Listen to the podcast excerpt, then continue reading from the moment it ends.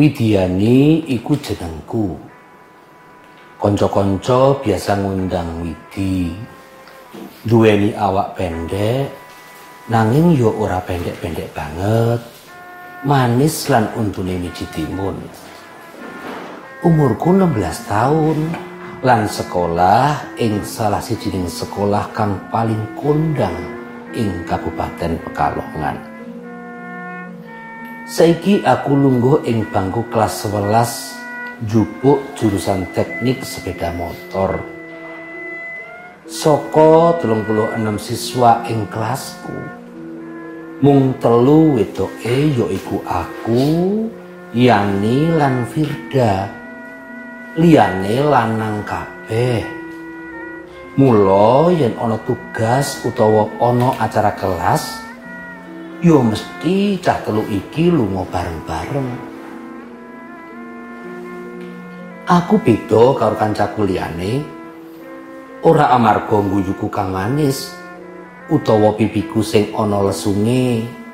Nanging krana aku bisa weruh jin utawa bangsa lelembut. Miturut wong tuaku, pancen awit cilik aku wis bisa weruh bangsa lelembut amarga saka keturunan Simbah. Mula kabeh jin, setan sing ana ing sekolah yo aku ngerti. Saka jin lan setan sing rupane ayu, bagus, nganti sing rusak, aku yo ngerti. Janjane nganti saiki aku yo isih kaget nalika diweruhi. Kadang yo krasa wedi yen ketemu lelembut sing rupane rusak lan gilani. kamangka ing sekolahku akeh banget lembute. Mula aku sering ngandani kancaku Yani lan Firda supaya ngati-ati ing sekolah. Kudu jaga tutur lan tumindake ing sekolah amarga akeh lelembut sing usil. Ora aneh yen ing sekolah akeh lelembute. Amarga disike lapangan lan sawah. Uga akeh sing ngomong yen lapangan lan sawah kasebut biyene papan kanggo buang demit. Esok-esok aku Firda lan Yani lagi jagongan ing ngarep kelas ing ngisor wit pelem. Hawane adem amarga srengenge durung jedul ditambah sumilire angin pancen gawe kahanan dadi kepenak kanggo jagongan. Babakan kang dirembuk yaiku ujian sing dijadwalke dina Senin. Wit, Fir, wis padha bayar SPP durung? Senin kan wis mulai ujian. Nek durung bayar, wong tuane gek ndang diaturi tindak menyang sekolah gawe surat pernyataan. Amarga yang ora gawe surat pernyataan mengko ora entuk kartu ujian lho. Yani buka omongan. Alhamdulillah ibuku wingi sore entuk utangan saka tangga sebelah. Jadi mau esok wis tak lunasi tekan bulan Desember. Firda mangsuli. Yen kowe piye wit? Kok meneng bae? Yani nambahi. Ah. Aku bingung, Ji. Wong tuaku durung duwe duit kanggo lunasi SPP. Kayane mengkuawan ibuku arep tindak sekolahan kanggo gawe surat pernyataan ben aku entuk kartu ujian. Aku mangsuli pitakonane Yani. Kapan sih wit wong tuamu tahu duit-duit? Awit kelas 10 mesti nunggak bulananmu. Omongane Yani rada ngece. Eh, wis jan, mesake widi. Aja mbok bacutke. Awake dhewe kan kanca kabeh. Mbok yo aja padha ngece kaya kuwi. Firda coba nengahi. Ah, nanging wong tuane widi iki kebangetan banget tok. sekolah wae ora tau disangoni jajan akeh-akeh paling entuk entek 1000 rupiah tok. Beda karo wong tuaku sanajan ibuku mung tukang pijet nang rezekine lancar. Yani sansaya ngece.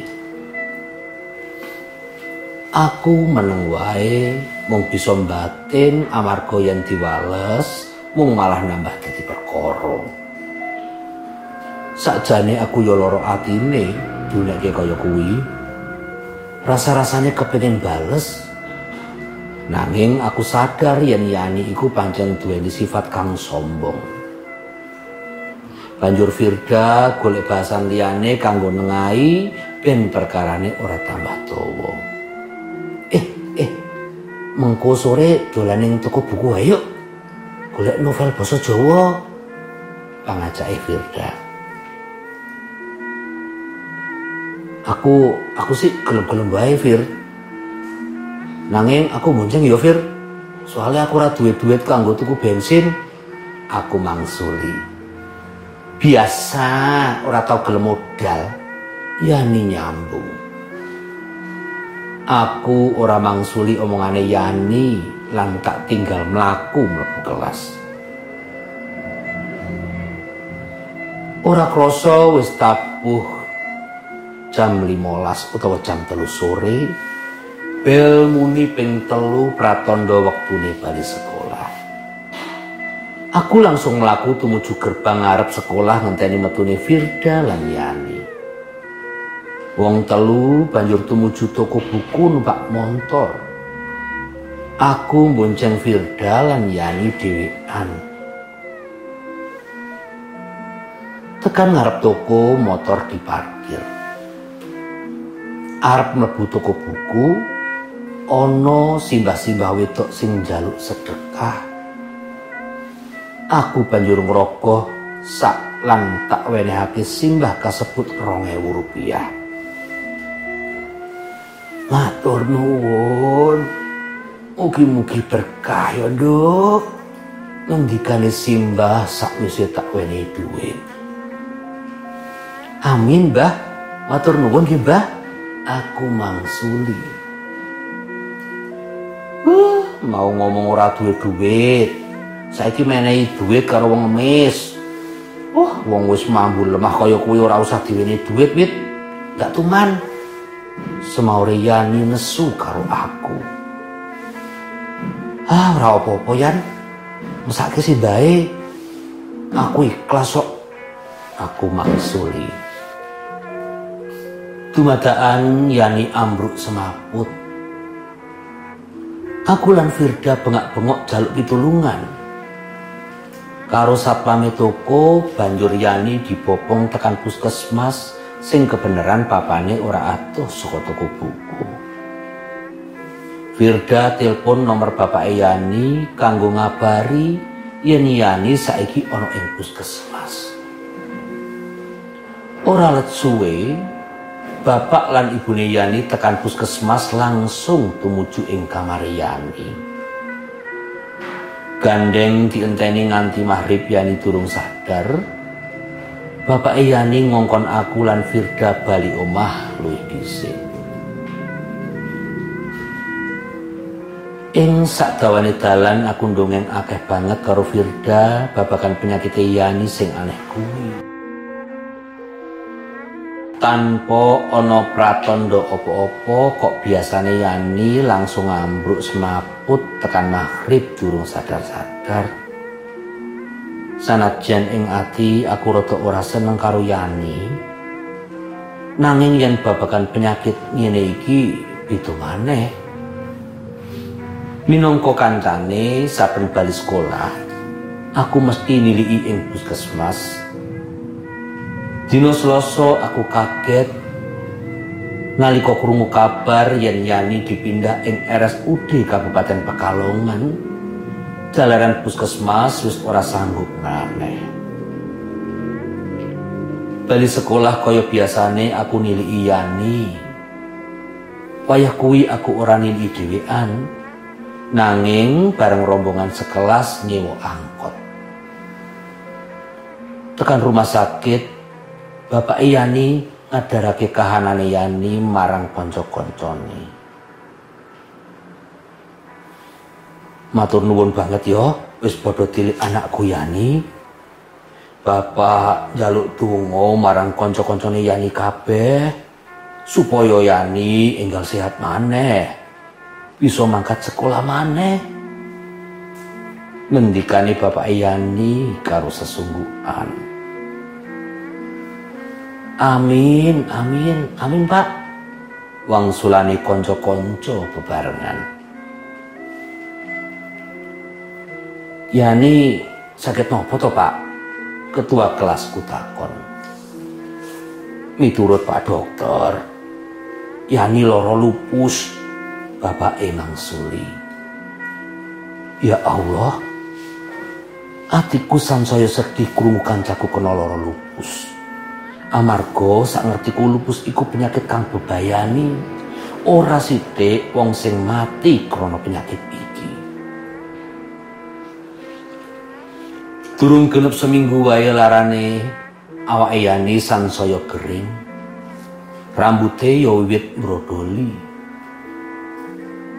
Tak sikap kenceng Yani nganti tumetes loko.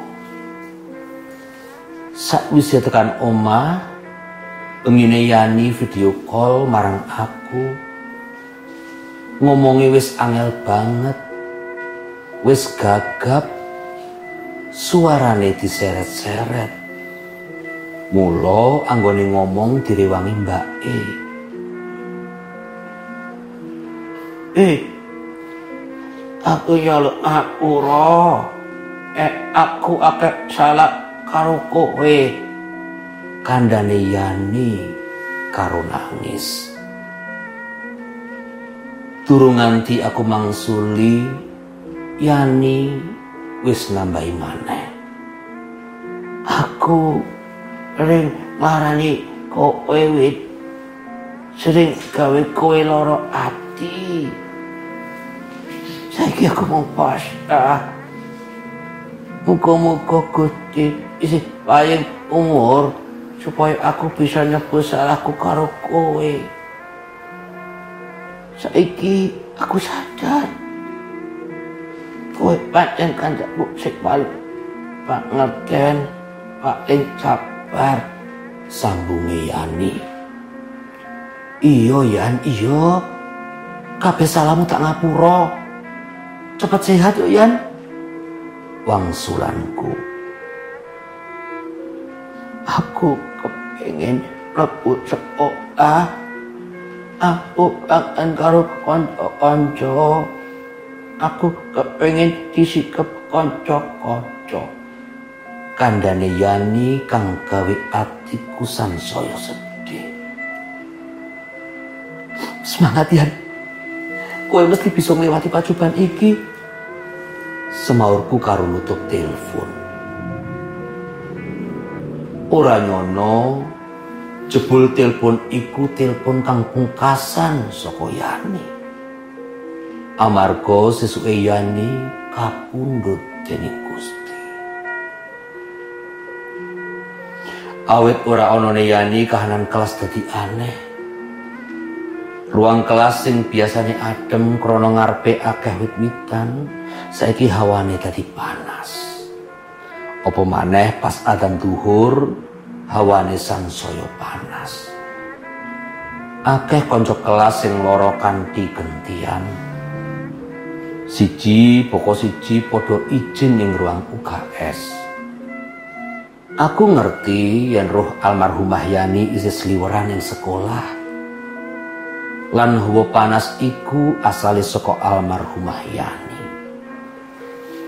Bola bali Ruweyani nyoba ngajak omong-omongan karo aku. Nanging aku mesti ora tak gawe. Aku dhewe ya gumun. Kene kok ruwe isih ning kene. Nanging aku ora kepengin ngerti lan ora arep goleki penyebabe. Amarga aku wegah urusan karo Ruweyani sing wis cetha beda alam. Gandeng saben dinane mesti ana wae kedadian sing aneh-aneh. Banjur aku matur karo guruku jenenge Bu Afi. Jeneng jangkepe Nur Afiani. Wonge galak nanging pangerten saben weruh muridé duweni perkara. Bu, menawi kelasipun pindah pripun? Kanca-kanca mboten betah ing ruang mriki. Hawanipun benter sangat panjalukku marang Bu Afi. Kena ngopo kok pindah, Wit? Ning ruang kene kan malah nadem. Ngarepe kebak wit-witan wangsulane Bu Afi. Tak andharake kabeh alasanku lan kanca sak kelas gene kok padha njaluk pindah ruang kelas karo Bu Afi. Lan dilala Bu Afi percaya karo omonganku. Mula sesuke kelas pindah ing ruang B. awit pindah ing ruang B wis ora ana maneh kedadian sing aneh-aneh saben ruweyani arep mlebu ruang B mesti wis dicegat karo penunggune ruang B sing tak kenal pancen ora tau usil karo wong setahun sakwise yani tilar donya ana kedadian maneh wengi iku aku sinau ing kamar dhewean nganti jam 10 Bapak Ibu ing ngarep TV durung sare. Dikancani karo swara radio kang lagune pancen apik-apik lan swara banyu udan ing njaba omah dadi nambah kliyeng anggonku sinau. Dumadaan awakku krasa lara kabeh. Udane tambah banter. Sinauku enggal tak rampungi radione tak pateni lampu uga tak pateni gantian kipas angin sing tak uripke kanggo kanca turu senadyan kipas angin wis tak uripke nanging hawane sansaya panas gawe aku ora bisa turu. Mripat iki wis tak merem-meremke tetep wae ora bisa turu. Tambah wengi hawane sansaya ora karuan. Jantungku deg-degan tambah banter. Kamangka ora biasane aku ngerasa wedi banget kaya mengkene. Aku krasa ana lelembut sing mlebu omah tambah cedak tambah cedak lan tambah cedak Firasatku bener, irung iki mambu kondo sing ora enak, koyo batang. Srek, srek. Kipas angin sing maune ing sisih kidul geser dewe ing sisih lor. Turuku sing maune madep lawang banjur tak walik madhep tembok lan kemul tak tarik nutupi mripat. Ing kuping tengenku krungu swara ambekan pratandha lembut kasebut wis ing mburiku. Wis tak tahan supaya aku ora noleh mburi nanging tetep wae aku ora kuat nahan kanggo weruh lembut sing ganggu kasebut Astagfirullahaladzim. Jebul sending jejer kuyani. Aku yakin banget yang iki almarhum kanca kuyani. Yang diomong rusak, iki luweh saka rusak. Awak ewis ora rupa awak menungso. Nanging luweh mirip kaya kewan lan raine kebak saklebatan yani ilang mlebune ngendi? Ya Allah apa salah kancaku? Yani kok bisa ruwe dadi rusak ngene Rasa wedi, sedih lan mesake campur aduk dadi siji. Aku bengok nimbali ibu. Tak sikep kenceng-kenceng banjur tak critani kedadian nembe wae. Mbok menawa yani kangen karo awakmu wit panemune ibu. Napa nggih Bu? pitakonku. Coba mbok eling-eling. Sesuk iku pas setahun ora onone Yani lho. Tambahi ibu. Ya Allah, kula kesupen, Bu. Nggih. Benjang genep setahun tilaripun Yani. Lajeng iki kados-kados pundi, Bu? Kono wudu banjur didongake kancamu. Sesuk bareng karo ibu sowan ing dalem Ibu Warsi, Ibu Yani pangajake ibu.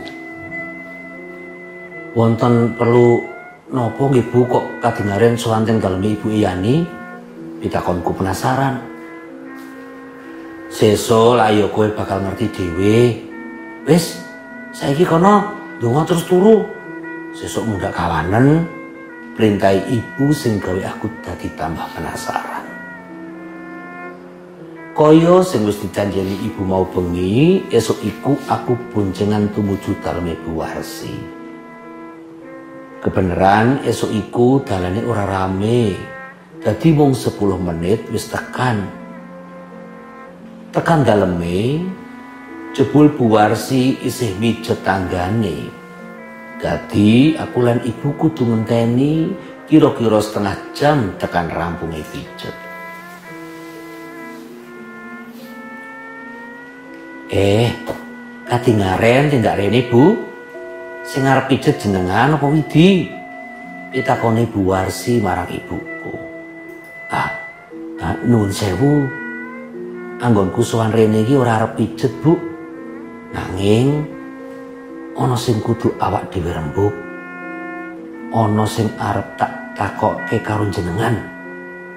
Wangsulane ibu. Bab apa ya, Bu? Bu Harsi takon maneh. Aku banjur nyeritakake kabeh kedadian mau bengi marang Bu Harsi. Krungu critane aku mengkono, Bu Harsi nangis lan nyikep ibuku. Sakwise atine wis tenang, banjur Bu Harsi sing gantian cerita. Iki kabeh salahku. Sing nyebabake anakku jadi mati yo aku. Dhisik nalika keluargaku urip susah lan akeh utang. Aku entuk pituduh lumantar impen. Impen iku isine saka buyut kamu ini. Pijetan anakmu. Iku sing bakal dadi rezekimu. Ning syarate kowe kudu bisa ndidik anakmu supaya santun karo wong liya. Luwe-luwe karo wong tuwa. Mengko bakal akeh wong teko ning omahmu sak perlu pijet. Rezekimu bakal lancar. Nanging yen kowe ora bisa ndidik anakmu dadi bocah sing santun, anakmu sing bakal dadi tumbal. Bu Warsi njlentrehake karo sedilo-sedilo ngelapi pini sing ketak loh. Lajeng panjenengan nyanggupi mboten Bu? Pitakonku sing sansaya penasaran. Ah, kandung zaman semono urip keluargaku susah lan akeh utang. Mula ora ana pilihan liyane. Aku nyanggupi perjanjian kasebut. Nanging sing gawe aku gelo tekan saiki yaiku aku ora bisa ndidik anakku Yani ben dadi bocah sing santun. Krungu cerita mau aku mung bisa unjal ambekan landung. Pipiku wis teles mergo kang ora bisa tak ndek lajune. Muga saiki arwahmu tinampa ing kaswargan jati yo yan. Ujarku lirih ing batin tak kirimake al-fatihah mriki kanggo yani